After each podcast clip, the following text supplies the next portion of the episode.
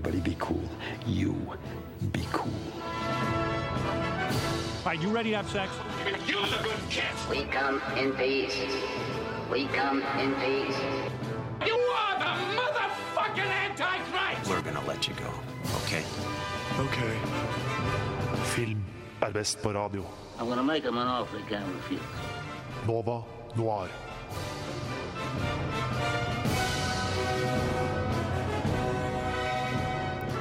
Hei, hei, hei, og velkommen til Nova Noir, Radio Novas eget filmprogram.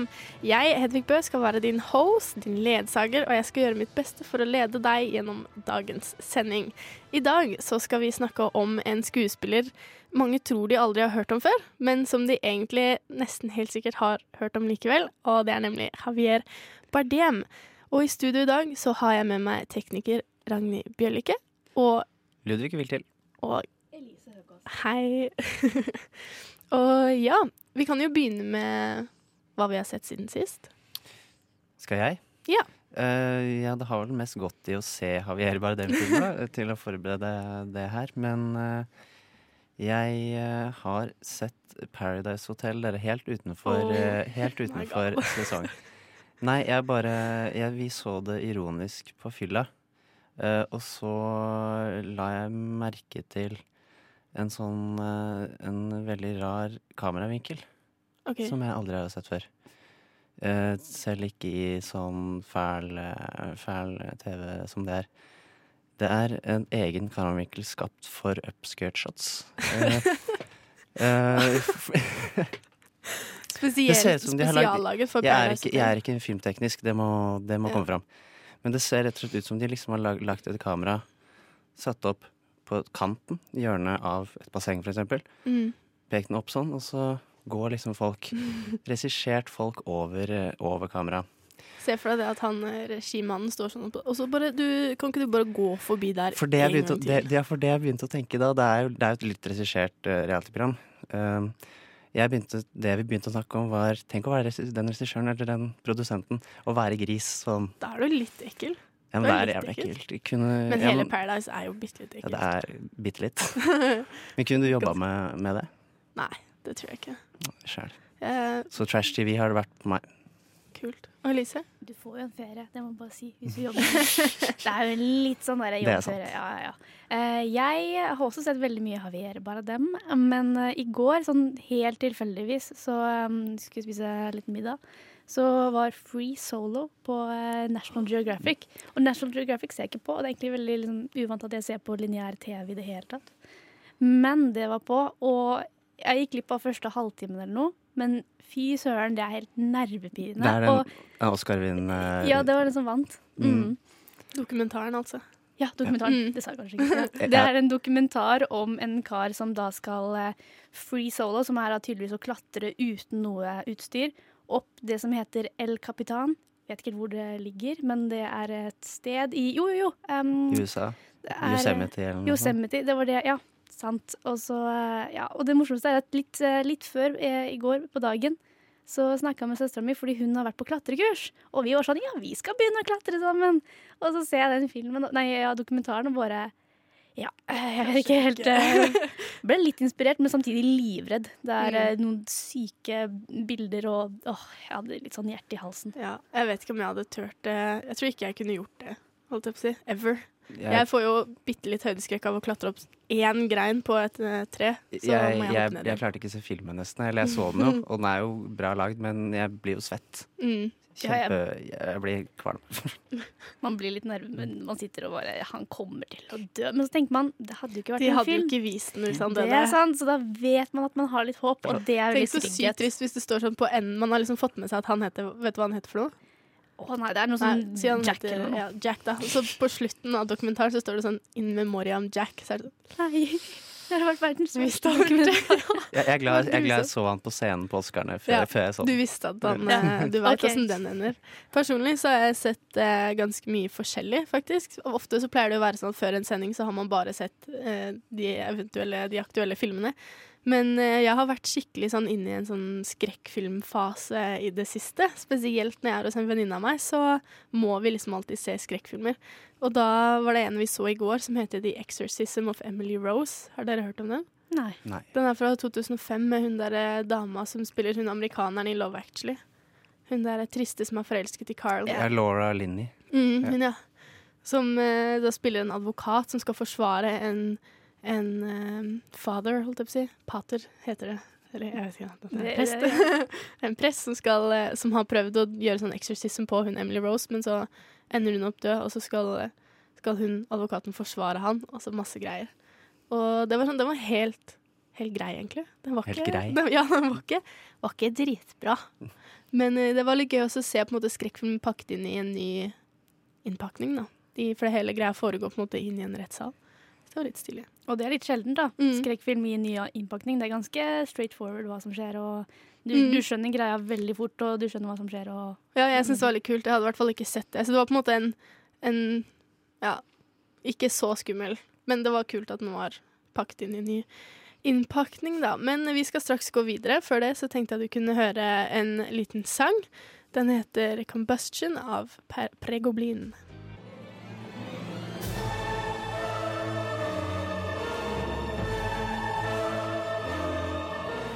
Well, hello, Mr. Fancy Pants. I got news for you, pal. You ain't leading but two things right now Jack and shit. And Jack left town. Nova Noir gir deg ukas filmnyheter. Elise, du kan jo få sette i gang haraballet, du. ja. Eh, så det her er på en måte litt sånn indirekte filmserienyhet. da. Det er litt far out, men jeg, jeg tar det veldig Jeg, jeg syns det her er viktig å få med seg.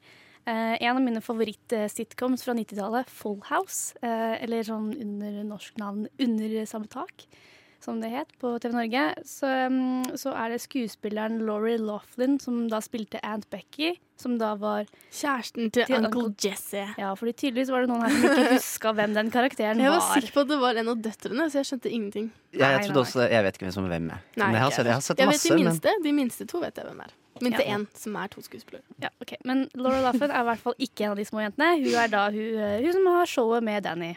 Ja. Uh, hun har da blitt arrestert, uh, dessverre, uh, fordi hun har blitt tiltalt for å um, bestikke en Altså bestikke noen skoler som døt døtrene hennes skulle komme inn på. Eh, Mm. ja. Hun har brukt lugubre metoder for å få døtrene sine inn på fancy colleger. ja. Colleges. Det er, eh, det er sant. Og så er det litt sånn at jeg har jo Det er litt morsomt, men eh, hun ene datteren, Olivia Jade, har jeg fulgt litt på YouTube.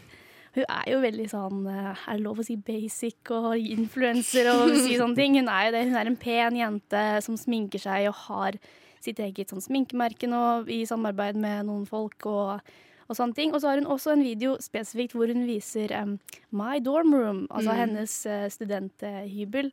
Og det er jo Det ser ut som en kjempefin ho- hotellsuite, på en måte. Og det, du, det skurrer så fælt. Og så så jeg også i stad at hun hadde sånn en budget-friendly uh, makeup-look. Og det er bare sånn eh, Du er egentlig Det er masse Full House-penger der.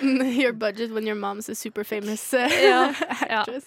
Eh, og så er det jo det som vi snakka litt eh, tidligere om, at det, var, altså det er jo også skolen som har latt seg bestikke. Mm, hvem er Av- det som er på en måte de Ja. slemme her? For at jeg tenkte sånn at de, de eh, skuespillerne som på en måte bestikker skoler eller betaler masse for å få barna sine inn, de ser jo en mulighet, og så benytter de seg av muligheten. Det er jo ikke superkult, men det er jo også skolen som på en måte gjør noe feil med å ta imot pengene òg, da. Og det er jo de som på en måte skal være eh, de flinke, på en måte. Ja, absolutt. Har du noe kult å komme med? Uh, ja, kult og kult. Uh, Steven Spielberg og Netflix er i en liten sånn krangel. Det er beef. Det er beef. Fordi uh, Netflix og Amazon de, de lager jo filmer som blir brandet som filmer. Eh, og dette er i kjølvannet av Oscarene, hvor de får lov til å eh, nominere sine filmer fordi at de gir det ut på et begrenset kinomarked. Selv om, det er, selv, selv om det er laget for streaming. Og dette har Steven Spielberg laget en litt større diskusjon av. da. Eh, hvor går grensen for TV-film og film? Han prater om, som han ganske pompøst kalte det, the sanctity of the cinema. Det er Og veldig at, pompøst å kalle det. at det er et, eh, at det er et Kina er på en måte et eget sted, og at filmer som er laget for kino, produseres på en helt annen måte. Og dette er jo veldig sant. eh, Så den diskusjonen For jeg, da begynte jeg å diskutere litt med meg selv. Fordi da tenkte jeg på Roma nå, som vant Oscar for Den vant jo liksom for tekniske Oscarer og Beste utenlandske film. Beste utenlandske, og den var nominert til masse tekniske, og da tenker jeg Den for meg er en kinofilm. Mm. På mange estetiske plan og innholdsmessige plan og sånn. Jeg tenker ikke på det som en TV-film. Nei, fordi der er det jo på en måte Netflix som har gjort det- motsatte. Det er ikke det at en TV-film har kommet inn på kinoene, det er en kinofilm som heller er blitt Der vist føler, på jeg, der, der, streaming. der føler jeg at det er uh, som har klart uh, Alfonso Koran, regissøren, som liksom har fått dem som produsent. Ikke de som har hentet han for å produsere en film for dem. Mm. Hvis det er mening. Mm. Eh, Det, er, gå, det er to forskjellige veier å gå, da. Men er det ikke slik at uh, det er mange si, litt sånn ferske og sånn filmskapere som da får lov til å lage filmer på streamingsider fordi det er liksom andre andre vilkår Altså- da, enn Jo, men- store produksjonsselskap. Men det er ikke et argument for at de skal kunne bli Oscar-nominert. Jeg skjønner at Vi er helt enige om at Netflix på en måte er et, et nytt landskap og en mulighet for, for mindre folk å på en måte komme inn i gamet. Men, Men- så det må være på et stort lerret for å være en, en Oscar-verdig film? Ikke verdig, men det er et av kriteriene for, for Oscar er en utdeling for kinofilmer. Ja, For, det. for Så det er på en måte to forskjellige kunstformer, da, hvis du skal si det sånn. Så egentlig burde Netflix og streamingtjenester ha sin egen utdeling. Ja, men Er det ikke noe som heter sånn streamies? St Streamies, eller streamies, jo. Det er sant. Men det Hvorfor er kan ikke de bare gå dit? Det er ikke det litt sånn, eh, sånn, sånn, sånn Ro Roma vant ti streamies. det, det høres ikke noe fint ut. The Er streaming sånn, winner. er det ikke sånn Webbies også? Er det sånn pris? Jo, Ja, sikkert. Sånne in internettpriser. Det er litt, litt lol. Men summa summarum så skjønner jeg begge sidene. Mm. Selv om da representerer Spielberg den litt mer konservative meg, mens Netflix Det er et potensial i Netflix, og at de kan eh, For så vidt jeg vet, så tror jeg noen filmer de lager, er lagd med tanke på at den skal på lerretet også, og deretter eh, også komme direkte på streaming. Mm. Jeg vet ikke. Ikke jeg. Vet ikke. Men um, over til noe helt annet. Jeg tenkte også nevne en mininyhet. Er, eh, for jeg gleder meg veldig til uh, It 2 kommer. Som er eh, It Chapter 2, om den her skumle klovnen som uh, hjemsøker noen kids. Og ifølge Jessica Chastain, som spiller uh, i denne filmen, så hadde hun sagt på Jimmy Fallon at Ikke for å spoile noe, men hun tror Eller hun ble fortalt at den ene scenen der er den blodigste scenen i skrekkfilmens historie, var det noen av disse teknikerne som hadde sagt. Og jeg gleder meg så sjukt. Jeg har liksom holdt meg unna It og litt sånn filmer. Why? Fordi det er for skummelt for meg. Jeg, jeg tisser på meg, jeg begynner å grine. det er ikke så dritskummel. Men Det det, er helt sant. Se den på dagen. Det gjør jeg. Det okay, egentlig et fint tips. Eh, men når de sier sånne ting, og så tenker jeg over alt det jeg ferdig har sett på film Men liker du Quentin Tarantino? For det er jo også liksom si det. Jeg syns Quentin Tarantino det er også sånn blodig veldig ofte. Så slenger han på masse blodige scener.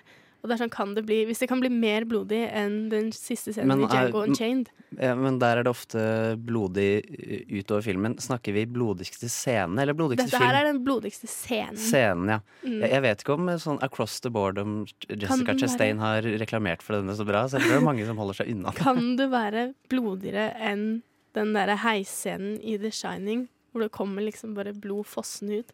Jeg gleder meg, jeg. Jeg tror de har, tenker at de skal gjøre dette med vilje nå, gutta. Nå skal vi bare Så peiser vi på. Nei, det her er sånn som får meg til å ikke se den. Er sånn, jeg skal i Litt hvert fall ikke. Jeg er sånn der, hell no! Liksom, det skal ikke Åh, jeg jeg tror på. den blir episk.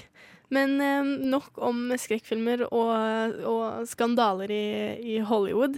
Eh, vi beveger oss videre inn på Vi begynner å nærme oss temaet vårt, Javier Bardem. Men før det så skal vi høre en sang som heter 'Behind the Fog' av Kubrick. Nova Noir, fordi film er best på radio. Det stemmer, film er best på radio, og der hørte du 'Behind the Fog' av Kubrick. Eh, vi skal snakke om Javier Bardem. Eh, som er vårt tema da. Vi skal ta for oss noen av hans filmer, og grunnen til det er at det kommer en eh, film denne uka her som har premiere, som er hans nye film som heter 'Everybody Knows', og den skal vi få en anmeldelse på eh, senere. Men eh, hvem er egentlig Javier Bardem, Ludvig? Han er en eh, spansk skuespiller Mm. fra Gran Canaria. Kanskje Gran Granca. Canarias, Grancas store sønn. Eh, nei, hvem er han? Han er en flink skuespiller, syns jeg. Mm. Uh, folk, jeg tror folk har sett han mer enn de vet hvem han er. Jeg tror det er det som er uh, greia. Det er derfor jeg har hatt lyst til å prate med han en stund. Fordi at du vet egentlig hvem han er. Ja, det var akkurat det. Da du, da du kom til meg, Hedvig, og bare Ja, vi skal snakke om Javier Bardem. Og jeg var bare sånn Sorry, Aldri jeg kjenner ikke til han, beklager. Og da mm, så søkte jeg han opp, og så så jeg bildet han, og jeg bare Å ja, Mm. det er han, ja. Det er det Ja. jeg sier til alle, at det er sånn når de bare Å nei, det aner ikke hvem det er. Så sier jeg sånn jo jo, just, just give me a second. For han har nemlig vært i mange, mange kjente filmer som nok veldig mange har eh, sett. Blant annet eh, hva heter den, Vicky Christina Barcelona. Som var en veldig sånn rom-com, eh, Det var, søt film. det var der han ble etablert som sånn kjekkas. Som en kjekkas-fyr, ja. Og Han var kjekkas før det òg, jeg må bare si det. Men det kommer vi til senere. Mm, det er sant. Og så har han jo vært med i Eat, Pray, Love, som også var en sånn uh, kjekkas, søting, eh, romantisk film. Og så har han nylig vært med i Den Mother sammen med Jennifer Lawrence, hvor han spilte mannen hennes. Så han er jo en, eh, en eh, Hva skal han si?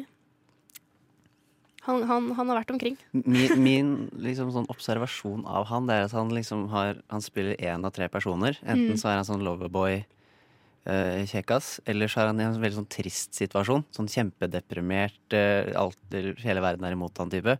Eller så er han psykopat.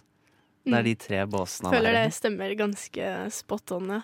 Jeg føler, men det er ganske mange skuespillere som, som faller litt i den at de har liksom tre forskjellige roller. Men likevel så syns jeg han klarer å på en måte Han har truffet veldig mange forskjellige retninger. Jeg syns han spiller i veldig mye forskjellig. Men jeg syns det er mye bedre å være en skuespiller som har forskjellige retninger, enn å være en skuespiller som er kun én Mm, karakter. Sånn derre Owen Wilson-type fyr, som bare er samme duden Oh, wow. hver gang. Oh, wow. Ja, Oh, wow. Det er samme, sant. samme fyren hver gang. Fordi- det er jo kjempekjedelig. Ja, fordi jeg syns bare dem Han er en sånn skuespiller-skuespiller. Eh, hvor da Owen Wilson er mer en komiker som har blitt skuespiller. Det er jo mange som egentlig er noe Mm. annet. Det er egentlig bare Owen Wilson som får filmer, mens Javier Bardem spiller filmer. Han spiller mener. karakterer. Mm, Han spiller blir karakterer. karakterer. Ja, han er en sånn karakterskuespiller, for han spiller veldig sjelden en sånn normal mann på gata. Det er alltid et eller annet ved han. Og han spiller den, da er han sånn type. Ja, det er sant. Det er veldig sant. Jeg, hadde- jeg blanda han også alltid med en annen skuespiller som ikke er spansk i det hele tatt. For Javier Bardem er jo megaspansk, mens uh, Jeffrey Dean Morgan er ikke spansk. Men han, hver gang han dukker opp i filmer Han er blant annet Badass, tror jeg, i The Walking Dead. Han er nok det. Og han har spilt i, i um, Han har spilt han der andre irske duden i PS I Love You. Så han dukker liksom opp stadig vekk. Og jeg tror alltid at det er Javier Bardem, eller at Javier Bardem er han. Han har, noen sånne, han har noen sånne lookalikes og semi-lookalikes som man tror er han helt til de åpner munnen. Mm. Fordi alle de han ligner på, er jo amerikanere eller engelskmenn eller sånn. Mens han har en sånn veldig fremtredende Nest, spansk nesten sånn stereotypisk aksent. Men han har jo veldig et ansikt som på en måte Det, det Det burde seg litt. seg ut. Ja, men det endrer seg litt. Det syns jeg, i hvert fall etter å ha sett alle disse filmene. Så er det sånn her, Er det samme fyr? Har han, har han fylt opp i trynet? Eller liksom, panna hans er litt flat? Og er litt sånn, han ser så annerledes ut i alle filmer. Jeg blir nesten litt sånn Oi, det, er det Ja, det er han. Ja, ja, OK. Ja. Kult. Det har jeg ikke lagt merke til. Det har jeg Faktisk. tenkt veldig mye på. Bortsett fra i ja, Det er jo noen hvor han har fått litt sånn rare haircuts, og litt sånn Ja. andre hvor sminken har gjort en veldig god jobb, da, Mm. for han ser jo ikke lik ut i noen av de filmene vi skal snakke om. Han blir, Etterpå. altså Sminke har vært hans sin venn gjennom karrieren. Absolutt. Absolutt. Jeg tror det, de, han har jo blitt, eh, han har jo blitt eh, Oscar-nominert. Han er jo en Oscar-nominert og, Og Oscar-vinnende spanske eh, skuespiller. Men eh, også sminketeamet i noen av de filmene har blitt både nominert og vunnet før, tror jeg. Men eh, med disse tankene i hodet så tenker jeg vi skal sette i gang med filmene. eh, som skal vise oss litt mer hvem Javier Bardem er. Eh, vi skal begynne med hans kanskje mest kjente film, nemlig No Country for Old Men. Men først så får du We Are The Sun med Salt. Det var We Are The Sun av bandet Salt, og du lytter til Nova Noir med Hedvig, Elise og Ludvig. Sendingens tema i dag er Javier Bardem. og vi starter med hans kanskje mest kjente film, 'No Country for Old Men'. Ja. uh, No Country for Old Men er altså en uh, Det var veldig mange beskrivelser, for den, men en amerikansk neo-western-thriller eh, fra 2007, regissert av Cohen-brødrene, og da basert på en, en roman av Cormac McCarthy. I eh, filmen så møter vi Llewellyn, som finner en bag med ca. Sånn to millioner dollar. Eh, og det er da på et sånt eh, åsted hvor folk har blitt skutt og drept, og det er midt i ørkenen i, eller mellom Texas og Mexico. Han tar den, og så er det flere som er etter de pengene, annet Anton Chigurh, spilt av Javier Bardem, og da må Llewellyn ende opp med å rømme. I'm looking Llewellyn Moss. You go up to his trailer. Yes, Do you want to leave a message? yes. I don't come back, you tell mother I love her. Your mother's dead. Well, then I'll tell her myself. Just how dangerous is he? Compared to what? The bubonic plague? Ja, så det var da altså No Country for Old Men. Eh, som jeg nevnte, Anton Chigurh er da spilt av Javier Bardem, vår um, person of the day. Eh, og det er ganske Jeg tror filmen har blitt veldig um, liksom, Det har blitt en veldig sånn Symbolet på filmen er nesten karakteren hans.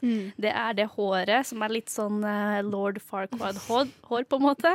Eh, og så er det det at han har et sånn drapsvåpen som er en sånn til å Høytrykk eh, Det er en avlivningspistol, så Brukt til kuer, egentlig. Ja, alle slags slags gårdsdyr. Det er en sånn uh, trykkpistol som skyter en bolt inn i panna på Ja, på det går, dyret. det går fort. Det går fort. Og det skal visstnok være fordi at han ikke ville etterlate spor på åstedet. Som er smart, fordi han er jo en veldig dyktig eh, snikmorder, er det det man kaller ham? Han- kanskje? Hitman, han, ja. han, han kommer, det kommer liksom ikke fram hvem han er. Han er mest sannsynlig meksikaner som har kommet for å Jeg må bare ha disse pengene. De, de skal jeg ha. Ja, men han skal jo være mm, Det er det jeg syns med den filmen, at det er litt vanskelig å den er litt sånn, jeg føler at Noen ganger så sitter du og ser en film, og så føler du at de som har laget filmen, tror du er dum, så de overforklarer alt. Mens i denne så er det det motsatte. At jeg føler at de Cohen-brødrene har tenkt at uh, vi er for smarte. Eller jeg er i hvert fall ikke personlig smart nok. Så jeg klarer ikke å henge med i Jeg klarer ikke å forstå alt som skjer i filmen. jeg tror egentlig ikke det er så mye å forstå i filmen. Jeg tror mer det er en opplevelse. For, Det er en for boken er, den er veldig bra, men også veldig rar. Den har f.eks. ikke noe punktum, så det er veldig stressende å lese den boken. Ja. Så boken er quirky, og da blir det jo fort en quirky film òg, da. Og så er det Cohen-brødrene som har regissert den, og da blir den også quirky. Ja. Men den har jo gjort det veldig bra, for den har jo faktisk eh, var nominert for åtte Oscar og vant fire, både for Best Picture, Best Directors for Mm. mm. Coen-brødrene, eh, Best Supporting Actor, som da var Javier, og Best Adapted Screenplay, da. Eh, og så er det ganske interessant, fordi det er Altså, Best Supporting Actor, da var jo faktisk Javier den første spanske eh, skuespilleren noensinne til å vinne den. Så det er veldig fint Mm. sånn for spansk historie. Her Det- er et slag. Og den syns jeg er fortjent. Og det, er- jeg syns det er hvis det, det er jo en kanskje hans mest ikoniske rolle, bare sånn bilde. Mm. Og med verdens skumleste hårfrisyre. Ja, jeg tror at de som, de som faktisk kjenner igjen mannen når du sier navnet, de tenker på han i No Country for Old Men. Det ja, tror jeg. Jeg snakka med en venninne, og så sa jeg ja, ja, vi skal snakke om Javier Bardem. Hun bare ja, hvem er det? Så sier jeg ja, har du sett No Country for Old Men? Så sier hun nei, han er så ekkel! Og ikke se den. Og jeg var sånn jo, jeg skal se den.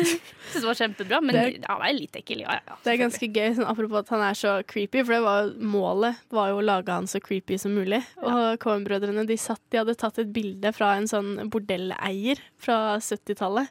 Og så liksom styla han etter det bildet.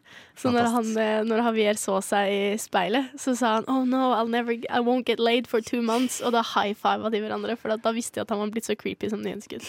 Så hele poenget var å få han mega creepy.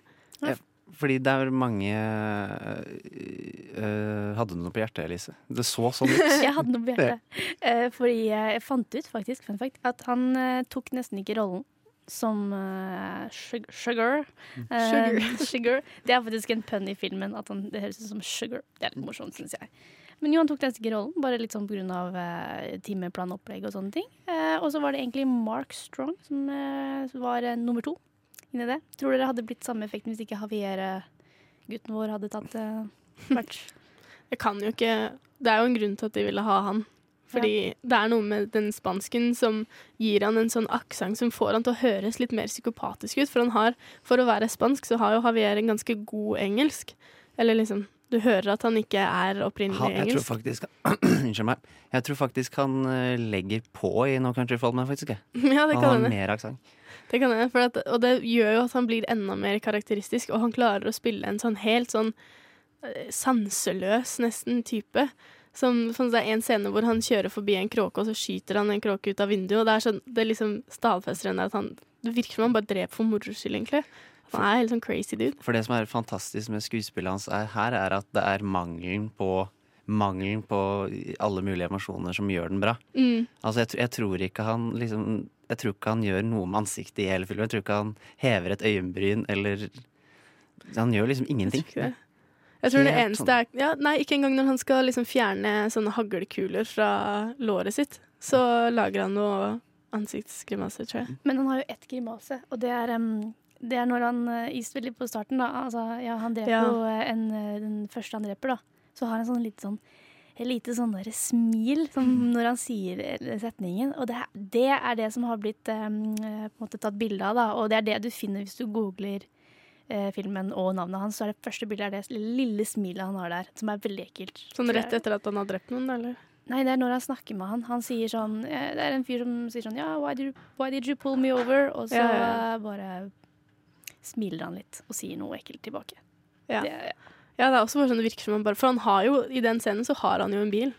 Og så tro, tror man at han skal drepe en for å få en annen bil, men han har jo allerede en bil. Så det er også er sånn, han gjør han det bare for gøy. Jeg tror han syns det er moro. Altså, dette er jo Vi snakket litt i stad om hans spektre. Mm. Dette er jo, øh, dette er jo psykopatspekteret hans. Ja. ja, dette er definitivt på psykopatsiden av, eh, av spekteret Vi hans. kanskje den mest Mest psykopatiske. Han er jo ganske psykopat i de neste filmene, en av de neste filmene vi skal snakke om også. Men, eh, men definitivt den mest sånn psykopatiske Og jeg vil vel kanskje si, i hvert fall for meg, hans uh, yndlingsrollen min han har. Mm. Ja, han, eh, som vi snakket om, han uh, vant jo en Oscar for den. Han vant også en Golden Globe, en BAFTA og en SAG Awards. Og jeg tror han er en av de første til å vinne beste uh, skuespillerprestasjon i alle fire samtidig. Jeg lurer på det, eller i hvert fall den spanske, da. Og han er også den første spanske til å bli nominert til en Oscar i det hele tatt, men det var i 2000 for um, Before Night Falls. Så han har jo Han har satt Spania på kartet, da. Ja, han har det. Eller Granca, da. Spesielt. Spesielt Det er, det er viktig. Granca. Granca var på kartet, men Havier ga det bedre rykte, vil jeg si. Ja. Jeg håper det. Jeg håper det. Men uh, vi skal gå videre til uh, en av filmene som kanskje hjalp, uh, hjalp med å bringe ham til Coen-brødrene. Um, før det så skal vi høre no, skal vi se, Til havet av Intet alltid. Det var Til havet av Intet alltid. Eh, vi har kommet til eh, den neste filmen på lista. Det er filmen Havet innenfor, eller The Sea Inside, eller 'Maradentro', som den også heter på spansk. Mange navn. Mange navn. Kjært barn har mange navn. Filmen kom ut i 2004 og er en av Javier Bardems mest eh, kjente filmer før han begynte å bli sånn mainstream i Hollywood. Eh, filmen er basert på den ekte historien om Ramón San Pedro, spilt av vår mann Javier Bardem, som etter en stupeulykke ender opp lam fra halsen og ned.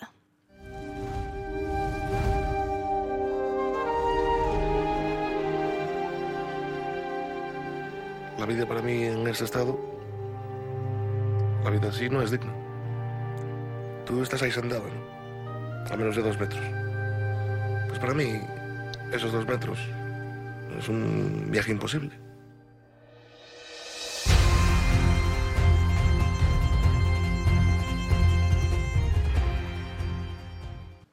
Det vi hørte der, var jo Javier Bardem i rollen som eh, Ram, Ramón San Pedro, hvor han snakker om at det å bare en liten reise på tre meter, på tre feet, er det vel holdt jeg på å si, er eh, en umulig reise for han, da. Og at uh, hva slags liv er det? Et liv uten verdighet, hvor ikke han kan strekke seg og ta på en vakker kvinne engang. Uh, Ramón har jo i virkeligheten, Ramón San Pedro, har jo kjempet en 28 år lang eh, kamp mot staten for å legalisere eller aktiv dødshjelp, eller for å få lov til å dø med verdighet. da. Uh, det er liksom hele greia hans. Og i filmen så møter vi også to kvinner. En advokat som skal hjelpe han i kampen, og en lokal kvinne som vil overbevise han om at livet er verdt å leve. Og så utforsker filmen liksom forholdet om sjalusi og kampen mot staten. Og. Mm. For det var her jeg begynte å tenke at oi, gud, han ligner ikke på seg selv i det hele tatt. Mm. Som vi snakka om. At her ser han faktisk ut som en ordentlig, ordentlig gammel mann. Han har måne, og han, har, han ligger på en måte som du ser at han Altså, det er jo method Han ser som bare ut som han er lam. Ja. Det er helt utrolig. Også hvordan hånda hans er sånn knytta sammen på en spesiell måte. Eller liksom Ja. Mm. Jeg tror nok han har eh, forsket mye på denne mannen, den virkelige personen, og lagt uh, kjempemye jobb uh, inni det. Det er vel kanskje her han er Jeg vet egentlig ikke hvor method har vært med. Jeg fant ikke så mange method-historier, men her ser det ut som han er det. Sånn virkelig, liksom. Mm, At at han har er- gått skikkelig inn i rollen, ja. Og så er det vel sikkert en Jeg antar at dette er en ganske kjent historie i Spania, sikkert. Det tror jeg det er. det Det er skrevet, det er laget en annen film om det også, som kom ut i 2001, og det er skrevet masse bøker om det. Så det var jo sikkert, og det er et veldig kontroversielt tema. Spesielt sikkert i et uh, katolsk land, vil jeg anta, hvor, uh, hvor det å ta sitt eget liv er veldig, veldig en, en av de største syndene du kan gjøre. Så det var sikkert en eh, kjempehard rolle og en kontroversiell rolle for han å spille. Og det er kult er feil ord, men eh, kult at han tok det, tok det på seg, da. Mm. Og det er kanskje den rollen han har hatt som har gitt mest inntrykk på meg. Jeg er ganske enig der. Jeg den, jeg så den jo første gang da jeg gikk eh, i spansken på Jeg tror det var ungdomsskolen eller videregående. Og det var jo sånn Allerede da så syns jeg jo det var fantastisk. Og så når jeg så det igjen nå, så tenkte jeg kanskje jeg ikke kommer til å synes det er så kult. Eller så bra skuespill og liksom så interessant film. Men jeg elsket den bare enda mer denne gangen. Og mot slutten så sitter du og griner, og jeg er så med i i følelsesspekteret, og han spiller så utrolig godt, syns jeg. Og det er jo en rolle hvor han er lam fra halsen og ned, så han har jo ingenting annet å spille på enn fjes og liksom muntlig fremføring. Og det bare syns jeg han nailer så sykt, da. Ja, jeg liker han veldig godt. Jeg syns han spiller veldig bra. Men jeg så jo den her eh, ganske nylig, eh, og bare Jeg syns det ble litt for trist. Og jeg, jeg klarer triste filmer veldig bra. Jeg, jeg er med. Men den her ble bare litt for trist, og så ble jeg litt sånn Nei, jeg har ikke, litt, jeg har ikke lyst til å se resten, jeg. Dessverre. Jeg tenker kanskje at Du hinter kanskje til at den er litt sånn teknisk stillestående, for det er den jo. Og jeg tror det er, jeg tror det er en grunn til det. Jeg tror vi skal føle oss litt uh, klaustrofobisk, sånn som han selv gjør. At vi Mm, litt sitter låst i ja, det rommet, ja. Mm. tror det er en, jeg tror det er en teknisk greie i filmen. Ja. Å bli med på, han, på hans reise. Ja, for sånn sett så er jo det veldig kult, egentlig. Og da er jeg veldig med på tanken igjen, egentlig. Da, da, da tenker jeg tilbake. OK, ja, greit. Men for, jeg kan ikke gjøre noe med faktum at jeg faktisk ble litt sånn Det er jo, det er jo, det er, det er jo en kjempetrist film, Om den tar opp et sånt kjempehardt tema. Jo, det, er ikke, det er ikke en film hvor det er meningen meningen at du skal kose deg. på en måte. Nei, men er den så trist egentlig? Fordi at uh, nå kommer det spoiler alert, men det er en uh, gammel, det er en over ti år gammel film, så jeg føler det er uh, innafor og ekte, basert på ekte historie. Men han får jo uh, får det jo som han vil til slutt. Han får jo til å ta sitt eget liv, ikke med assistert døds dødshjelp, men eh, på den andre måten. Altså selvmord, holdt jeg på å si, med cyanid. Um, og jeg føler at det er jo på en måte for hans del ikke trist i det hele tatt. Det var jo det han ville. Det er jo hardt å se på, liksom, men, men hele greia er jo at han skal få lov til å velge selv. Det handler ikke om at man skal at du må leve, men at du har retten til å leve, og da også retten til å velge å ikke leve, er jo hele greia hans. Og når han da endelig får det som han vil, så ble jeg på en måte nesten litt sånn glad. Ja, det er jo et bittersøtt, kan man vel Mm. kalle det. Skikkelig. Og alle disse følelsene som du nevner nå, syns jeg bare dem får igjennom. Mm. Bare, som sagt, bare med ansiktet. Jeg syns en av de beste scenene hvor på en måte skuespillet hans kommer sånn skikkelig godt fram, er når hun ene hun er advokaten har vært oppe på loftet hjemme hos dem, og så ramler hun ned trappa, for hun også lider av en sånn eh, sykdom som nedsetter hennes evner, da. Og så faller hun ned trappa, og så er han snudd, for han kan jo ikke snu seg selv, så han, jo, han blir jo snudd hver tredje time eller noe sånt nå. Og så klarer han ikke snu seg, og så klarer han ikke å se hva som har skjedd. Og så klarer han jo ikke å rope etter hjelp eller noen ting. Og det bare synes jeg, når han snur seg og roper ut av vinduet etter søsteren sin Manuela, så syns jeg bare det liksom Hele den scenen bare manifesterer liksom poenget at det er ikke noe Hva slags verdighet er det i det livet? Og han, han kan ikke Han er et sånt medmenneskelig og compassionate menneske, og så får han ikke gjort det han vil. For det han vil mer enn annet, er å hjelpe andre, men han kan jo ikke gjøre det lenger. Jeg likte veldig godt den scenen også, det må jeg si, selv om jeg nå ga et litt sånn min, veldig Nei, men det er viktig å ha dårlig litt mening. Men uh, den, å, det var veldig fint, og som du sier, også veldig som et symbol også på hele budskapet hans. Da. Det, mm. Eller det som han mener han burde få retten til. Da. Ja. Veldig Og fint. hvorfor, liksom. Ja. Det som er interessant òg, den scenen igjen kan brukes som eksempel, er at eh, dette er nesten, nesten ironisk nok eh, den rollen hvor eh, Javier Bardem spiller mest fysisk. Mm, ja, altså faktisk. Det at han ikke kan spille fysisk, gjør at han må spille veldig fysisk. Men det lille du kan bevege på, liksom, det må, han bruker det så veldig uttrykks...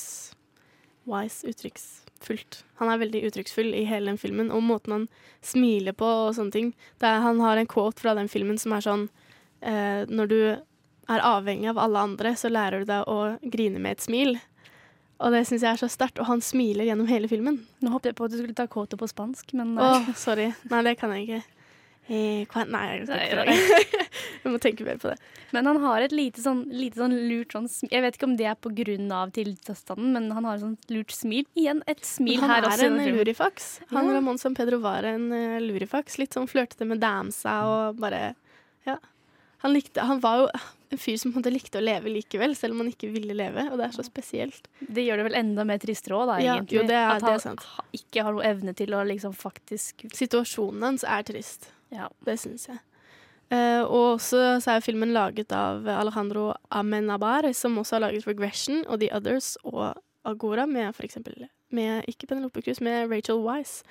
Um, ja. Og den vant Oscar og Golden Globe for beste foreign language-film i 2005, og den ble nominert for makeup i Oscar. Fordi det er jo helt utrolig bra makeup. Du legger ikke merke til makeupen. Du tror det er sånn han ser ut. Du skjønner ikke at det er makeup. Men det er jo da det er bra makeup. Det er da det er bra makeup. Straks så skal vi ta oss en liten pause fra temaet vårt. Vi skal høre Erlend Heskestad snakke litt om Michael Jackson og den dokumentaren om ham som det har vært mye føss om i media i det siste. Um, før det så får du Las cosas por su nombre av Anna Tijoux. Everybody wanted to meet Michael or be with Michael. And then he likes you.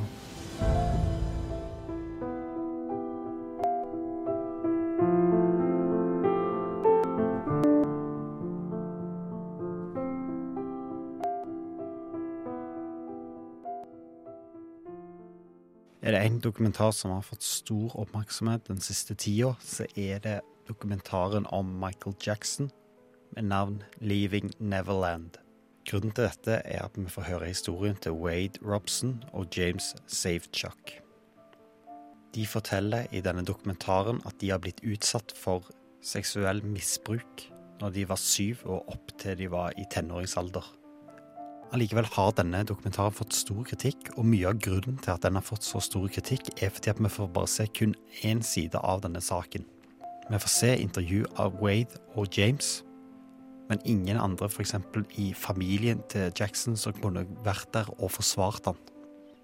Selve handlingen begynner når disse to guttene her er små. Hvordan de da har beundra Michael Jackson, kommer tydelig fram og at Michael Jackson tok kontakt med de i en veldig ung alder, og at de har betydd mye for han. Ikke bare det, så ble han en del av eh, familien. Både begge mødrene til disse to guttene forteller at de opplevde Michael Jackson som en sønn. Senere begynner Wade og James å fortelle i detaljer hvordan de har blitt seksuelt misbrukt av Michael Jackson. Han ble senere anklaga for uh, seksuell omgang med barn av uh, andre personer. I det ene tilfellet så ble det rettssak, der Wade var en av de mest troverdige forsvarere av uh, Michael Jackson. Etter at begge to har nekta for det tidligere og har hatt noen form for seksuell omgang med Michael, så har de da i en voksen alder sagt ifra og gått ut i media og fortalt sin historie om hvordan de da har blitt misbrukt av han. Men skal da renommeet til en person bli ødelagt pga. denne dokumentaren her? Familien til Michael Jackson har gått ut i media og fortalt sin mening om denne dokumentaren. Og det, det de først og fremst viser til, er at det ikke er noe tydelig bevis. Det har allerede vært en rettssak der det kom fram at han ikke var skyldig i anklagelsene. Og dette viser de veldig sterkt til da, i intervjuene. Personen som har intervjua denne familien, spør jo da hvorfor tror familien da, Michael Jackson sin familie, at de kommer med disse uttalelsene nå, disse to nå voksne mennene. De forteller at det er av samme grunn som de andre som har anklaga Michael Jackson. De er ute etter pengene. Ikke bare det, men òg den populariteten som disse to ungene da hadde når de var en del av Michael Jackson sin eh, nære krets. Det ønsker de ennå å få mer utbytte av, gjennom å sverte han. I den siste tiden har det vært veldig stort fokus på anklagelser om seksuell atferd og overgrep av kjente personer. Vi har f.eks. Kevin Spacey og Harvey Weinstein, og ingen av disse her har blitt dømt som overgripere. Allikevel har folk hatt en allmenn forståelse av at det de er anklaga for, det stemmer. Men blir det da rett å stemple de da som overgripere eller trakasserere? Når vi ser sånne dokumentarer fra én side Når jeg har sett tidligere dokumentarer, når jeg ser bare fra én side av en sak, så har jeg veldig lett for allikevel å tro på den sida som da blir vist i en dokumentar. Jeg vet at det fins en annen side, men allikevel så opplever jeg den siden som kommer i dokumentaren, så såpass troverdig at jeg da gir etter for dokumentarens holdning.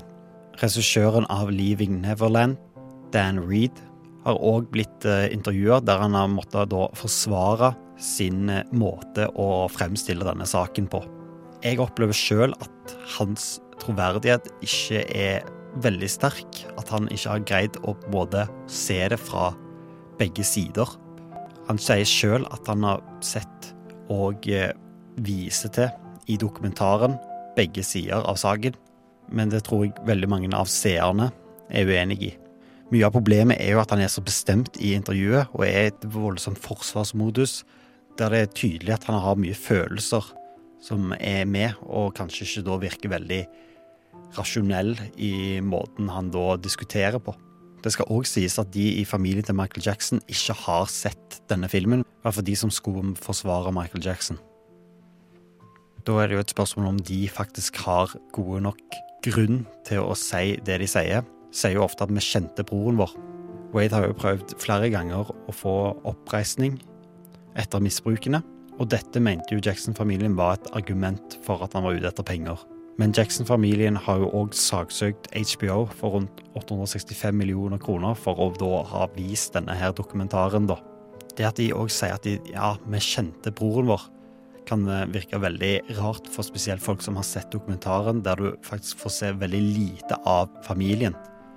Samtidig så er jo det denne dokumentaren da som kanskje da fremstiller det feil, men det kan òg tyde på at Michael Jackson sin familie ikke var så mye til stede.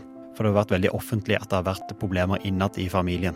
Til slutt må jeg jo si at det er umulig å få et klart svar på hva som egentlig har skjedd når disse barna da har vært alene med Michael Jackson. Det eneste vi vet, er at det er ikke så unormalt som vi tror. Seksuell misbruk det skjer både i kirker, skoler og i idrettslag. Så forhåpentligvis vil denne dokumentaren være med å bidra for de personene da som blir ramma av dette.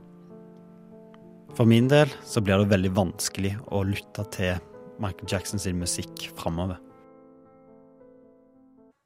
Du lytter til Radio Nova.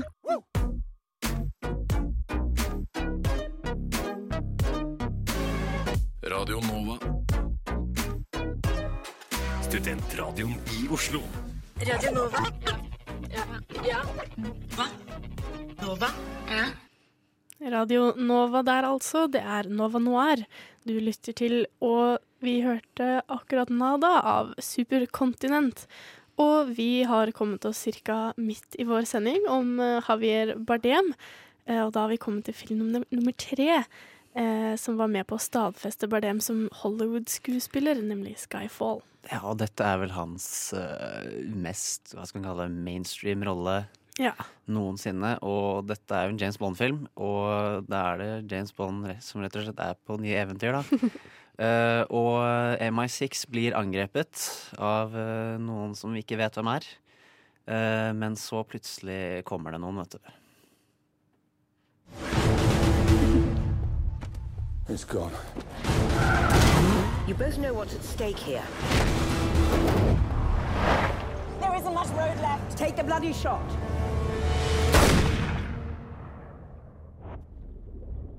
Everybody needs a hobby. So what's yours? Resurrection.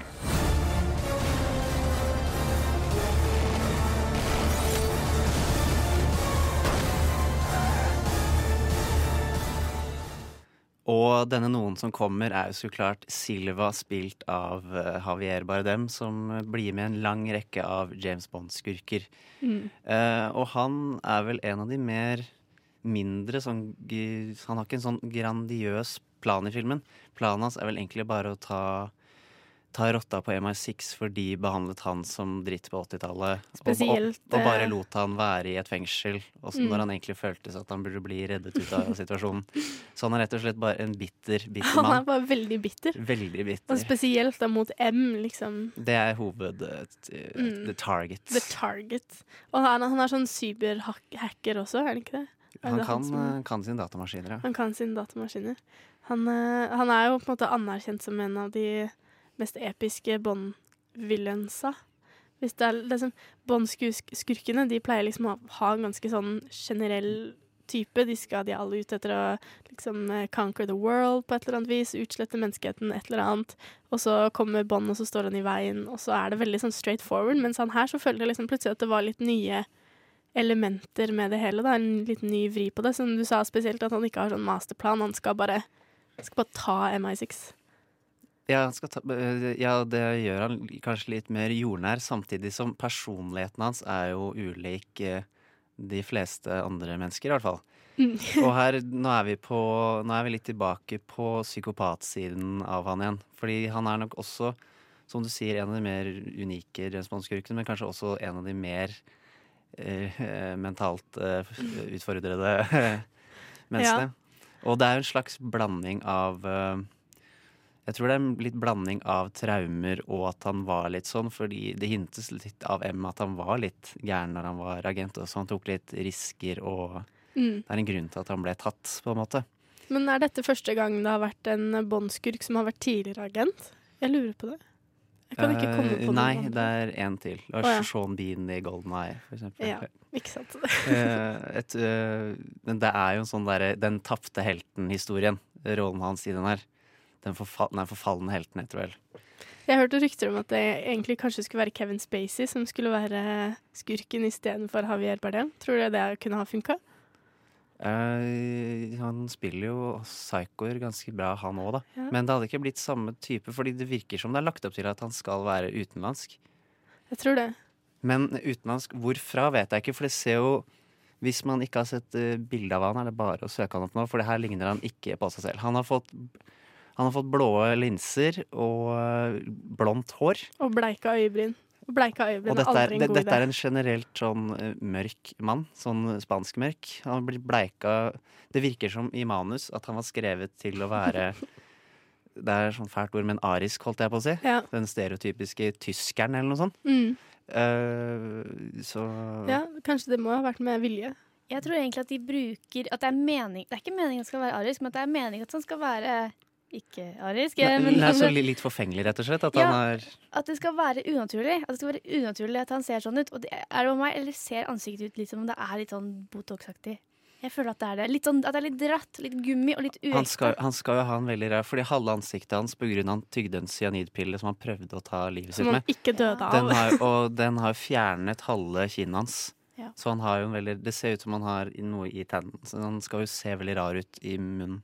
Ja, han har liksom en sånn protese som fyller ut kinnet hans der hvor han mangler bein og tenner. eller Og det er en veldig ekkel scene hvor han, hvor han for så vidt har en ekstremt bra monolog. Det er en av de beste scenene sånn skuespillermessig. Hvor som ender med at han, for å vise hvor ille han faktisk har det, hvor mye han lider, så bare se, Han går ned på kne, veldig Til dramatisk. med.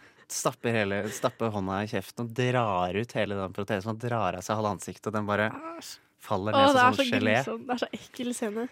Kjempeekkel, men den setter jo preg og Nei, inntrykk, med det. Ja, og han gjør jo som vanlig Javier Bardem gjør jo som vanlig en utrolig god jobb i å fremstille nyansene i karakteren.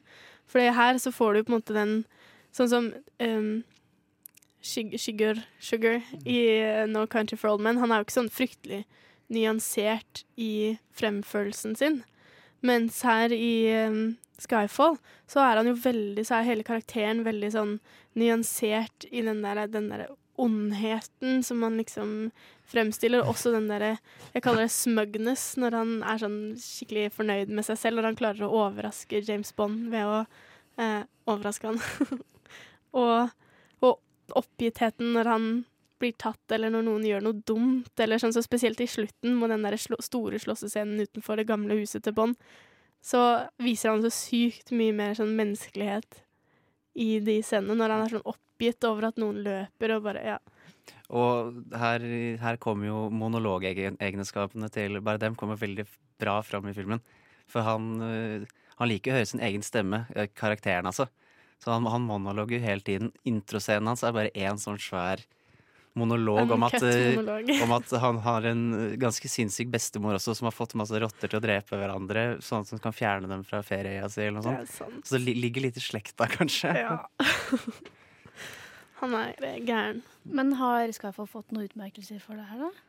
Eh, eh, Adele vant Oscar for sang. Mm. vel- Og så vant den for lydklipp, tror jeg. Skal vi se. Men ikke noe kostyme? Oh. Det burde kanskje vært noe sminke her bare på bare, Bare på Javier. Men hvor Altså, han har på seg en bleket blond eh, parykk. Men er- er- bra er det? Det er en parykk. Er det parykk? Det, må være det. Jeg sjekka, og det er en parykk. Men, men Og- det, det, er jo, det er jo Da er det jo en eh, Det er en liksom- karikert figur òg. Ja, og i forhold til sminken i No Country for Old Men og i Maradentro, så er jo ikke dette her Oscar-sminke. Det kan jeg ikke si. Men, men det er jo nesten Det er jo nesten med ironisk distanse de har sminka han, da. Ja, Men resten av filmen har ikke ironisk distanse, så du kan ikke bare ha én person som bare «He, Vi kødder med dette, og så er resten av filmen bare sånn dønn seriøs. Men det er merkverdig sminke, selv om det kanskje Det ikke er. Oscar-level. Men så ikke er det noe man- merkverdig fordi den er bra, Nei, nei, tør jeg påstå. Jeg synes det er litt morsomt. Anyway, vi skal videre, men før det så hører vi en sang. Du skal få høre Skal vi se på lappen min her. 'Sweetheart Sayonara' av Act Praiser. Det var 'Sweetheart Sayonara' av Act Praiser, og du lytter til Nova Noir i dag med Hedvig, Ludvig og Elise. Vi snakker om skuespilleren Javier Bardem og noen av hans filmer. Så langt så har vi jo tatt for oss eh, noen av hans kanskje mer kjente filmer. Alle etter eh, 2000-tallet, hvor han begynte å bli litt mer sånn anerkjent eh, Hollywood-skuespiller. Eh, vi må jo ta med noe av det litt Han har en fortid òg. han har en fortid som kanskje gir et bilde av hvor han kommer fra som skuespiller. Og da valgte vi en film som heter Hamon Hamon, som kom ut i 1992. Og Elise, du kan kanskje fortelle litt om den? Hamon, Hamon. Åh, gud, hvor skal jeg starte? Ja, som du sa, fra 1992. Den er eh, oversatt eh, Så den norske tittelen da er 'Skinke, kjærlighet og sjalusi'. Eh, og det er akkurat det den handler om. Eh, I filmen så møter vi da Sylvia, spilt av Penelope Cruz, eh, som da er forlovet med ei mann som heter José.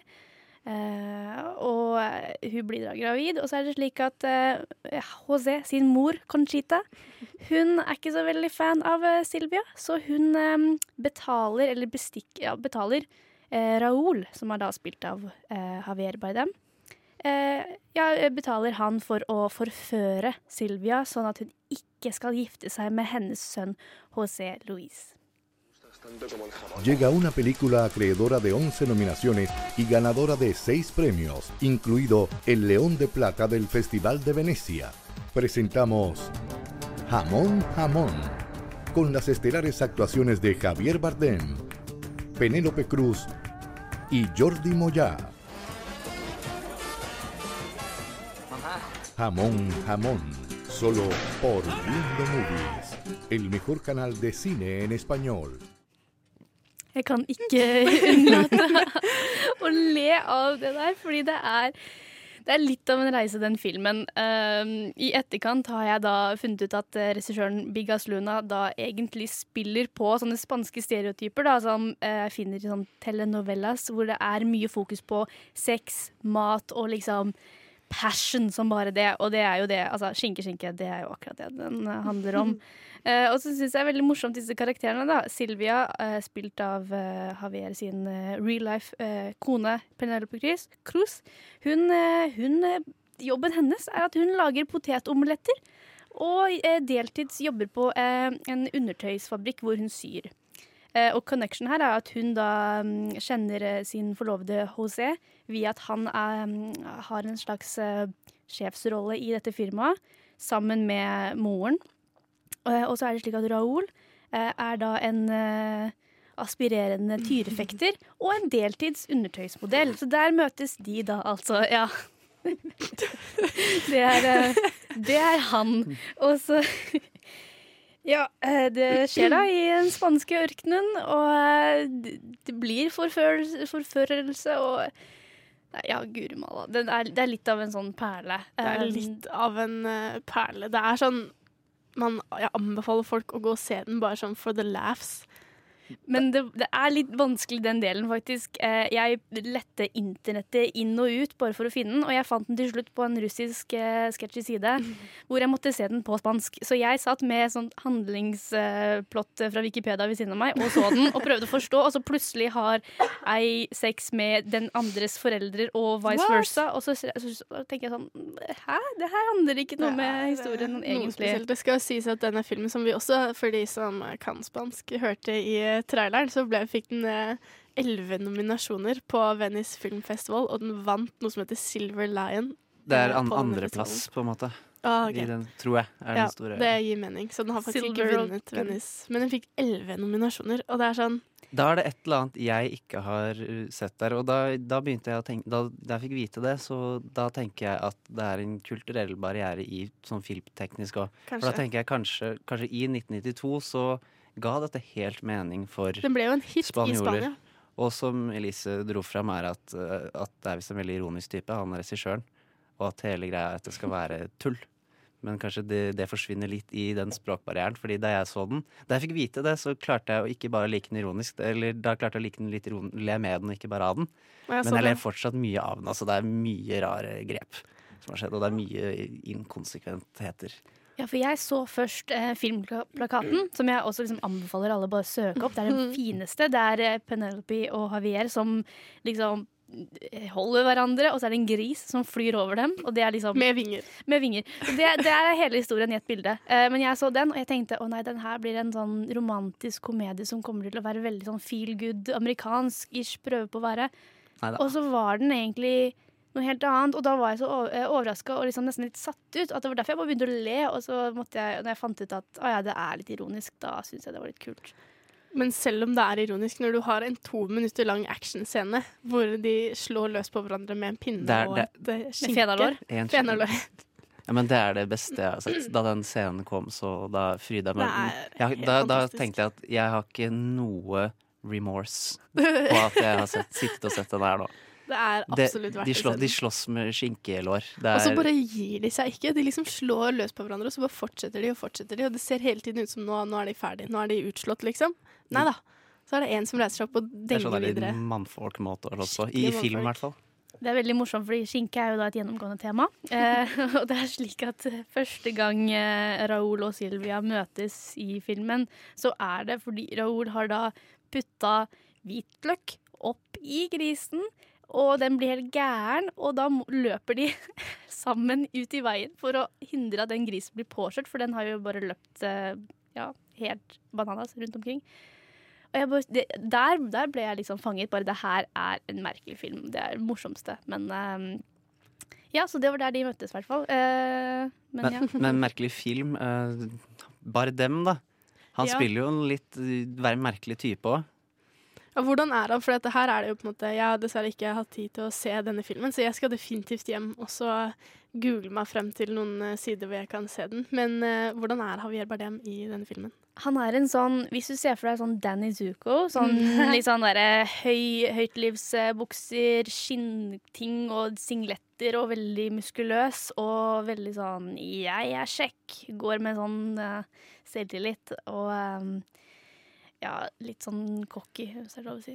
Og, og karakteren han blir, han blir satt i en litt sånn merkelig situasjon av, av Mother of the Year her, da. Så Det er sant. Er det litt sånn men, han tar, men han tar det jo liksom på strak arm. Han bare ja. Er det litt sånn Ten Things I Hate About You, at han blir betalt for å gå ut med noen, og så ender han opp med å faktisk like henne? Er det liksom greia? Ja, men han ligger jo også med humoren, gjør han ikke? Det er, jeg, det er det jeg ikke skjønner. Det er jo at han, han ligger litt med alle.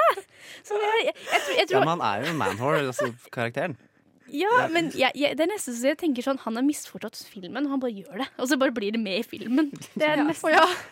Skuespilleren har liksom ikke skjønt Her var det ikke den karakteren. Her var det Å ja, skulle jeg Ah, OK. Og regissøren Ja, bare- står sånn på siden og bare eh, eh, Eh. Vet du hva, vi tar det med likevel. Jeg tror det blir bra film av det. Å, Sykt gøy. Kanskje han misforsto hvem det var som skulle spille Silvia. Jeg, har- jeg har aldri frydet meg så mye av å se Havier Bardem i en rolle før. For jeg ble enten alltid litt sånn satt ut, litt trist eller et eller annet, men her var det, her var det egentlig bare, bare gøy. Så da, vi er jo definitivt på den der Loverboy-siden Ja, av er spekteret hans. da. Det var der han- starta. Jeg føler at han starta, for at når du ser ganske mange av filmene opp til For han er med i ganske mange filmer opp til 2000-tallet, og veldig mye av det har sånne spanske navn. Og hvis du ser på, på covera di, så er de veldig ofte i samme sjangerlandskap, da. jeg tenker at utviklingen til bare Bardem er litt den samme som eh, Matthew McConney. Ja, Han, de har hatt litt samme, fordi da de, de var liksom den typen. Helt til de nådde et punkt hvor de ble liksom litt gamle, at de ikke var liksom førsteelskere lenger. Ja, så sånn, da plutselig ble det mer sånn anerkjent. Uh, Men uh, Matthew McConaughey må bare spille en uh, båndskurk, så er vi der. ja, han mangler bare det. Han mangler bare det, så er vi der. Da hopper vi videre, vi. Og du skal få høre 'Slow' av Tilla. Det var Caracas med 'Stay Young', og nå skal du få ukas kinopremiere.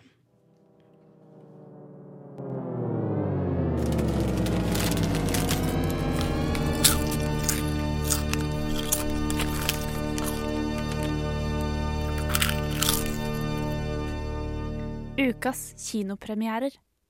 Du lytter til Du lytter til Radio Nova, og i studio nå har vi fått besøk av Ina Sletten, som har vært og sett den nyeste filmen til Javier Bardem, nemlig 'Everybody Knows'. Ja, eller som alle, eller alle vet. Men Eh, alle vet, tror jeg Men alle norsk. vet, som den heter på norsk. Som da uh, handler om Laura, som eh, kommer tilbake til hjembyen sin i Madrid eh, fordi søsteren hennes eh, skal gifte seg. Men eh, så oppstår det en liten krise, og begravde hemmeligheter blusser opp. Hola, pa. Estamos cerca. La tía Ana nos vino a recoger al aeropuerto. Oh, Joan, ella es mi hermana Laura. Mucho mejor. Nada que ver con el anterior. Está muy guapa. ¡Paco! Qué guapa, qué grande. ¿En serio?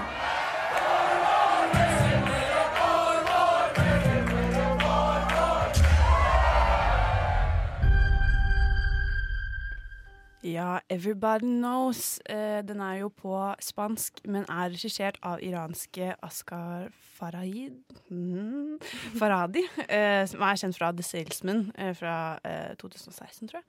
Um, jeg har ikke sett noen av filmene hans før, eh, men jeg har hørt at dette er ganske annerledes. Han har ganske actionfylte filmer, og dette er en, et eh, rolig, intenst melodrama, eh, med, eller familiemelodrama, da, eh, som handler om hemmeligheter og rykter og hvem du står av deg nærmest, og hva er du villig for å gjøre for de som står deg nærmest. Jeg vil egentlig ikke fortelle så veldig mye mer om handlingen, for jeg tror det er et veldig viktig element at man ikke vet så mye. Sånn som, dette var jo åpningsfilmen i Cannes eh, i fjor, eh, og hadde utrolig mye hype rundt seg. Og da var også, det tok veldig lang tid før en ordentlig beskrivelse kom ut om filmen, og til og med den er også veldig sånn veldig, veldig vag. Um, så fordi her handler det om at du skal bli overrasket, og du skal eh, tolke ting selv. Så jeg eh, vil egentlig ikke gå mer inn på det enn det, at det bare handler om Laura, Laura eh, som spilles av Penelope Cruz, som da kommer tilbake til hjembyen sin, hvor hun møter søstrene sine. Og ja, her er jo Javier Bardem også med, og han spiller da eksen hennes, en barndomskjæreste. Um, og mannen hennes, Laura, spilles av Ricardo Davin, som er kjent for The Secret in Their Eyes. Eh, er, det er veldig mye sterke skuespillere her. Eh, er, eh, det handler veldig mye om dialog, og veldig mye om hva Blikk, rett og slett. Veldig mye sånn hvordan en familie eh, behandler hverandre, og også sånn typisk sånn eh, Litt sånn liten landsby hvor alle hva rykte går, og at uh, det er veldig mye sånn begravde stridsøkser som kanskje egentlig gjør fortsatt gjør litt vondt. Og kanskje det har gått 30 år, og så bare begynner man å snakke om det igjen fordi du er sint eller du er veldig følsom. da. Og, ja, så den handler egentlig bare veldig om relasjoner. Det eneste er at den Jeg satt og følte at eh, den bruker veldig lang tid på ting, og som for så vidt er en ganske god ting, men eh, noen vendinger er kanskje litt åpenbare, eh, og da blir det ekstra slitsomt å sitte og vente på at det skal skje. Jeg lurte også på sånn um, Sånn som norsk film har et norsk filmpreg, og sånn som vi nettopp har sett med Ramón Ramón, har kanskje et veldig sånn spansk filmpreg. Hvordan, hvor ligger denne liksom i, i den rekka der? Føler du at det er en veldig typisk spansk film, eller funker den mer som en sånn internasjonal film? Jeg tror det er en blanding av begge deler, og det er det jeg, kanskje sliter litt med den. At den ikke klarer å bestemme seg om den skal være denne veldig dramatiske eh, inten... Sånn, det er det den er, men samtidig så prøver den å ha en fot i virkeligheten, eller sånn litt realistiske eh, hendelser også. Og det er det at da får du ikke noe Hvis filmen er veldig mye, da, eller det er veldig mye sånn eh, Mye gråting og intenst og sånn, og så Nå bruker jeg intenst veldig mye, men jeg bare Den Den er en- intens. Ja, den er det. Men og så ender det fortsatt med at at du, jeg, slutten er veldig sånn lite tilfredsstillende, og det tror jeg er litt av poenget. At den skal være litt sånn Og sånn er det. Og så er det litt sånn Men nå har jeg blitt revet med på dette eventyret, og så blir det bare litt sånn flatt. At du ikke skjønner hva poenget var, da. Men jeg tror absolutt at Jeg tenkte ikke på den som en spansk film. Det, det veldig, I starten så er det mye sånn spanske tradisjoner, tror jeg, med det bryllupet og i den lille byen, og det er, virker veldig sånn tradisjonelt sånn sett. Da. Så jeg tror at uh, absolutt han har, han har jo uh, funnet en måte å, å fortelle om de små landsbyene på også, på en veldig fin og vakker måte. Uh, men også det vonde da med å, at det er et veldig tett og nært miljø. og du kan ikke stole på noen, rett og slett. da. Mm. Det er jo Javier Bardem som er eh, tema for sendingen vår i dag. Hvordan eh, opplevde du han i filmen? Ja, han er jo han er en myk mann i denne filmen her. Jeg vil jo si at dere har snakket om filmer hvor han kanskje er litt mer røff. eh, utenom Haman Haman, da, som jeg ikke har sett. Men eh, han, er, eh, han driver en eh, vingård eh, og er bare er gift med en lærer og bare har er en, ja, Han er en god fyr, og det er fint å se han gjøre det, men dette er absolutt Penelope Cruz sin film. Er Han er mer som en hjelper for henne, fordi dette er Penelope Cruz jeg syns hun kanskje har forsvunnet litt i den Pirates of Caribbean-rollen. Eller at hun er veldig pen, da, men hun har jo spilt sånn i Volver og som dere snakket om tidligere, den Barcelona-Christina Christina- Vicky- Vicky Christina Barcelona. Ja, den rek andre rekkefølgen. Ja, det er motsatt. Uh, hun er jo en, egentlig en utrolig god skuespiller, og det har jeg savnet litt fra henne, men denne hun er så sykt flink, eh, og hun, har noen, hun klarer å bytte så fort. Eh, det skjer mye med hennes karakter, og hun, å, hun takler det på en utrolig en, ah, veldig vakker måte. Eh, det eneste er at man vet jo at disse to er gift i virkeligheten, og da blir det jo litt sånn at jeg eh, heier på de. så man blir veldig sånn Når de er på skjermen sammen, så blir det sånn Ja. Og så har de ufattelig god kjemi sammen, og du ser at de jobber så godt sammen. Og det er, ja, det er veldig imponerende. Og det er det som er filmen er bare verdt å se bare for skuespillerprestasjonene. Fordi den er, det er en skikkelig godt gjennomført film. Eh, det er det. Eh, det er bare det at kanskje historien faller litt flatt. At jeg kanskje forventet mer. At eh, the hype is real. At jeg liksom følte at jeg, jeg forventet mer da, fra en film som skulle åpne Cannes, og har fått så mye stående applauser og ja, fått så mye skryt. da, og ja.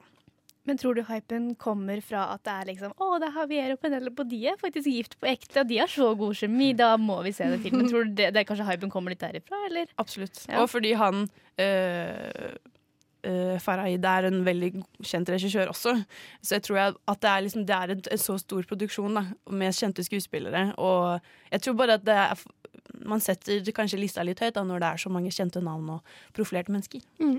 Har du noen eh, oppsummerende tanker før du gir en karakter? Jeg anbefaler alle å se den, fordi den, er, eh, den handler om relasjoner. En, og tar opp det på en veldig kul måte. Eh, og den er, selv om noen ting til tider er åpenbare, så er den også sjokkerende. Og jeg satt og var helt sånn Jeg, tok, jeg ble veldig ja, overrasket når jeg satt der. Eh, og det kjenner jeg ofte ikke i filmer lenger, at jeg blir overrasket. Eh, og det er en pen film, en veldig godt produsert film. Eh, og igjen, Penelope Cruz eh, har tatt en av sine beste roller i, i denne filmen her, så jeg vil jo ja, anbefale den for å gi henne eh, litt mer oppmerksomhet igjen da, for den gode skuespilleren hun er. Samtidig, den er ikke Ja, den mangler litt den den piffen, da. Det blir, blir kanskje Ja, flatt. Så jeg har Mm. landet på seks av ti. Seks av ti, ja. Seks av ti, dessverre. Ja. Eller sånn. Jeg føler det er en god, grei karakter. Ja. Seks av ti altså til uh, But Everybody Knows. Nei, Men alle vet. Men alle vet heter det på norsk. eh, Everybody Knows på uh, engelsk. Seks av ti der. Og da skal vi få høre Stol på meg av Snille G. Hei, dette er Trond Espen Seim, og du lytter til Nova Noir. Det var Stol på meg av Snille G, og nå har vi jo på en måte fått litt mer eh, input om eh, Javier Bardem. Nå vet vi hvem han er og hvilke filmer han har spilt i. Hva syns vi egentlig om han nå? Nå vet du hvem han er, Lise. Ja, jeg kom jo inn på denne reisen her og var sånn Ja, jeg har sett han. Ja, han er sammen med Penelope Cruz og alt det der. Mm, eh, og nå har jeg blitt skikkelig sånn ah, det, det er godgutten. Nå har jeg lyst til å Sånn som den filmen nå, eh, 'Everybody Knows'. Jeg har veldig lyst til å se den, bare fordi jeg er genuint interessert i å se åssen han eh, er i den. Og jeg har blitt veldig Blitt en liten minifan. Så bra. Det var jo litt eh, poenget, kanskje. Å ja, det, var poenget. Det var meninga. Dere, dere satt, dere satt Egentlig så meg i har denne dette bare vært situasjonen. et plott imot deg. Det Ja. visste ikke du. Oh, shit. Ludvig, hva tenker du? Uh, Jeg tenker Jeg har kanskje tenkt litt dette her før òg, men uh, sånn skuespillermessig så Dette var noe som kom veldig til meg etter vi så Alice her, er at eh, mm, han får liksom helt andre roller i, i USA og Spania. Ikke, og dette tror jeg ligger litt i det at han er utenlandsk, og det skjer med mange utlendinger i Hollywood, spesielt i Maxang. Fordi i de spanske rollene så får jeg inntrykk av at der spiller han på en måte en hva kan man kalle det, en ekte person? da En Mm. spanjol som hadde eksistert i virkeligheten. som- Han spiller jo han En troverdig person du kan relatere deg til, liksom. Ja, og der er han på en måte i sin egen bakgård, da. Og har språket, den språklige apparatet til å gjøre det. Mens eh, så han, som veldig mange andre utlendinger i Hollywood, blir ofte en karakter i Hollywood. Og med No Country for Old Men og Skyfall. Det er Mm. veldig sånn karakterer, disse menneskene. Finnes de egentlig? Uh, uh, selv om han spiller disse veldig bra. Og det er veldig gøy at han får utfolde seg på to forskjellige måter, og at han nailer begge. Mm, det er det syns jeg er kjempebra. kult. Mm. En liten sånn backstory til det her med eh, engelsktalende og spansktalende filmer, eh, er at faktisk eh, han var sammen med ei jente som var en tolk fra spansk til engelsk. Og hun var på en måte som engelsklæreren hans. Og jeg hørte fra en sånn quote fra et magasin hvor han sier at eh, ja, hun var min beste engelsklærer, og vi lærte masse engelsk i senga. Så det er litt morsomt, da. Det er litt sånn, sånn, er, sånn er han. Ja, er, er det søtt? Ja, det er søtt. Ja. Men eh, så det er at jeg syns ofte at hans engelsk er veldig troverdig, og så ser jeg et intervju, og så bare Å ja, han er, han er så så aksent. Mm. Er Han har mer aksent i intervjuer enn han har i filmen. Absolutt. Absolutt. Jeg tror, jeg, jeg, jeg tror han liksom eh, skjerper seg opp, liksom, når han Mm. skal spille. Absolutt. Og det kan du også se forskjellen på mellom han og Penelope Cruz, der hun har en litt sånn tykkere spansk aksent. Hun har en, ikke datet en tolk, da. Nei, så det, det gjelder faktisk å være innom eh, litt forskjellige arenaer for å Foten ut... innafor tolkeverden. Men syns vi Javier Bardem burde fortjener han mer anerkjennelse enn det han får? Han har jo jeg føler, ikke, jeg føler nesten han har, er på det stadiet at Han det, ikke går, at det nesten ikke går videre. Ja, har han Mm. ikke fått ganske mye anerkjennelse? Han var Oscar- Men han er jo Oscar-vinner. ofte så Ja, men jeg føler ikke at han får Fordi når en skuespiller har blitt en Oscar-vinner, så er det akkurat som det skjer når de får kanskje mer filmer og Du, sånne ting. du, mens du vil kanskje at han skal heve seg over det at uh, du, man må ikke vise et bilde av han. Ja, at man bare skal nemlig. kunne Javier Bardem. Å, han ja, ikke sant. Mm. Jeg vil at folk skal vite det med en gang hvem han er. Og, så, og at han skal få Jeg føler at han, han må få flere filmer. Han har liksom ikke en sånn Han har en sånn veldig sånn jevn karriere med en film liksom annethvert år eller noe sånt. Nå. Han har liksom ikke en sånn boost, for Hollywood-skuespillere får ofte den boosten hvor de bare har sånn ti filmer i året, liksom. Bitte litt overdrevet. Det jeg lurer på er eh, altså han, Jeg synes jo personlig synes han har kjempebra anerkjennelse, og jeg tror han lever helt fint på den. Mm. Men å få enda mer, tror jeg nå som han har pusha 50, så tror jeg det er vanskelig for han å opparbeide seg en sånn en. Fordi nå kommer han til å komme inn i de rollene hvor han skal spille middelaldrende, etter hvert Mm. eldre menn, og da det blir bare vanskeligere og vanskeligere, vanskeligere få roller Ja. når man blir eldre. Det kan stemme. Men vi anbefaler alle der ute å gå hjem og se Mara Dentro og No Country for Old Men. Og hvis de har muligheten, absolutt se Hamon Hamon. Hvis hvis du du, å finne finner den. på nettet, eller hvis den, en eller annen streamingside må nesten ta det Og det må ikke være på et teksta på et språk man kan heller. Nei, det er Elise sånn så med russisk, jeg sånn med portugisisk, så Og jeg vet at den er på Amazon Prime, men jeg får jo ikke tak i det fordi jeg bor i Norge. Det er sant.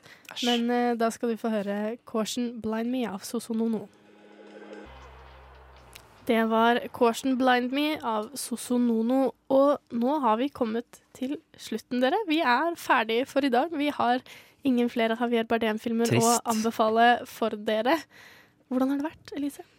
Det har vært, eh, det var veldig gøy. Det er det gøy gøy å ha eh, litt spansk Elise, inn i hverdagen. Elise har vært på reise og Jeg har, Elise har jeg har faktisk på- vært på en reise. Jeg starta eh, i en spansk, eh, spansk Oi, spansk ørken i 1992. eh, og endte opp eh, liksom egentlig ganske mange steder. Og det har vært litt, nesten litt tungt, fordi det, han har hatt så interessante roller at jeg har bare blitt sånn Hvorfor har jeg ikke anerkjent han noe særlig tidligere? Mm. Det er det du er furt over, Hedvig. Ja, litt furt. At ikke folk bare vet hvem det er med en gang. Men sendingen i dag har altså kommet til veis ende. Vi har snakket om Javier Bardem og hans filmer fra, fra da han startet til i dag, egentlig. Vi har vært gjennom eh, No Country for Old Men, hans kanskje mest eh, anerkjente film. Og så har vi snakket om Maradentro, en av de første filmene som fikk han inn på det, på det sporet med anerkjennelse. Så snakket vi om Skyfall, en av de kanskje aller mest eh, kjente filmene hans. eh, Mer sånn populære mainstream-filmene han har vært med i. Hvor han spiller en skurk med blondt hår. Og så sluttet vi jo med Hamon Hamon, en veldig festlig spansk eh, Liten chorizo. Hva sa du? En liten chorizo En liten godteposen. Det er jo det det er. Fantastisk. Og så fikk vi til slutt en anmeldelse av Ina Sletten. På besøk hos oss har vi også hatt eh, Erlend Heskestad, som hadde et innslag om Michael Jackson-dokumentaren. Og med meg i studio så har jeg hatt Elise Høkås. Og, Og Ludvig Wilter. og jeg har vært Henrik Bø, og vi har hatt Ragnhild Bjørkelykke cirka på teknikersiden. Og da kan vi bare si gå hjem og se alle Javier Bardem-filmene som fins. Gå og se Everybody Knows. Alle sammen. Alle. Mange. Det er veldig mange. På én dag. Ikke. På én dag. Challenge. Challenge accepted. Oh, Og med det så takker vi for oss. Ha det.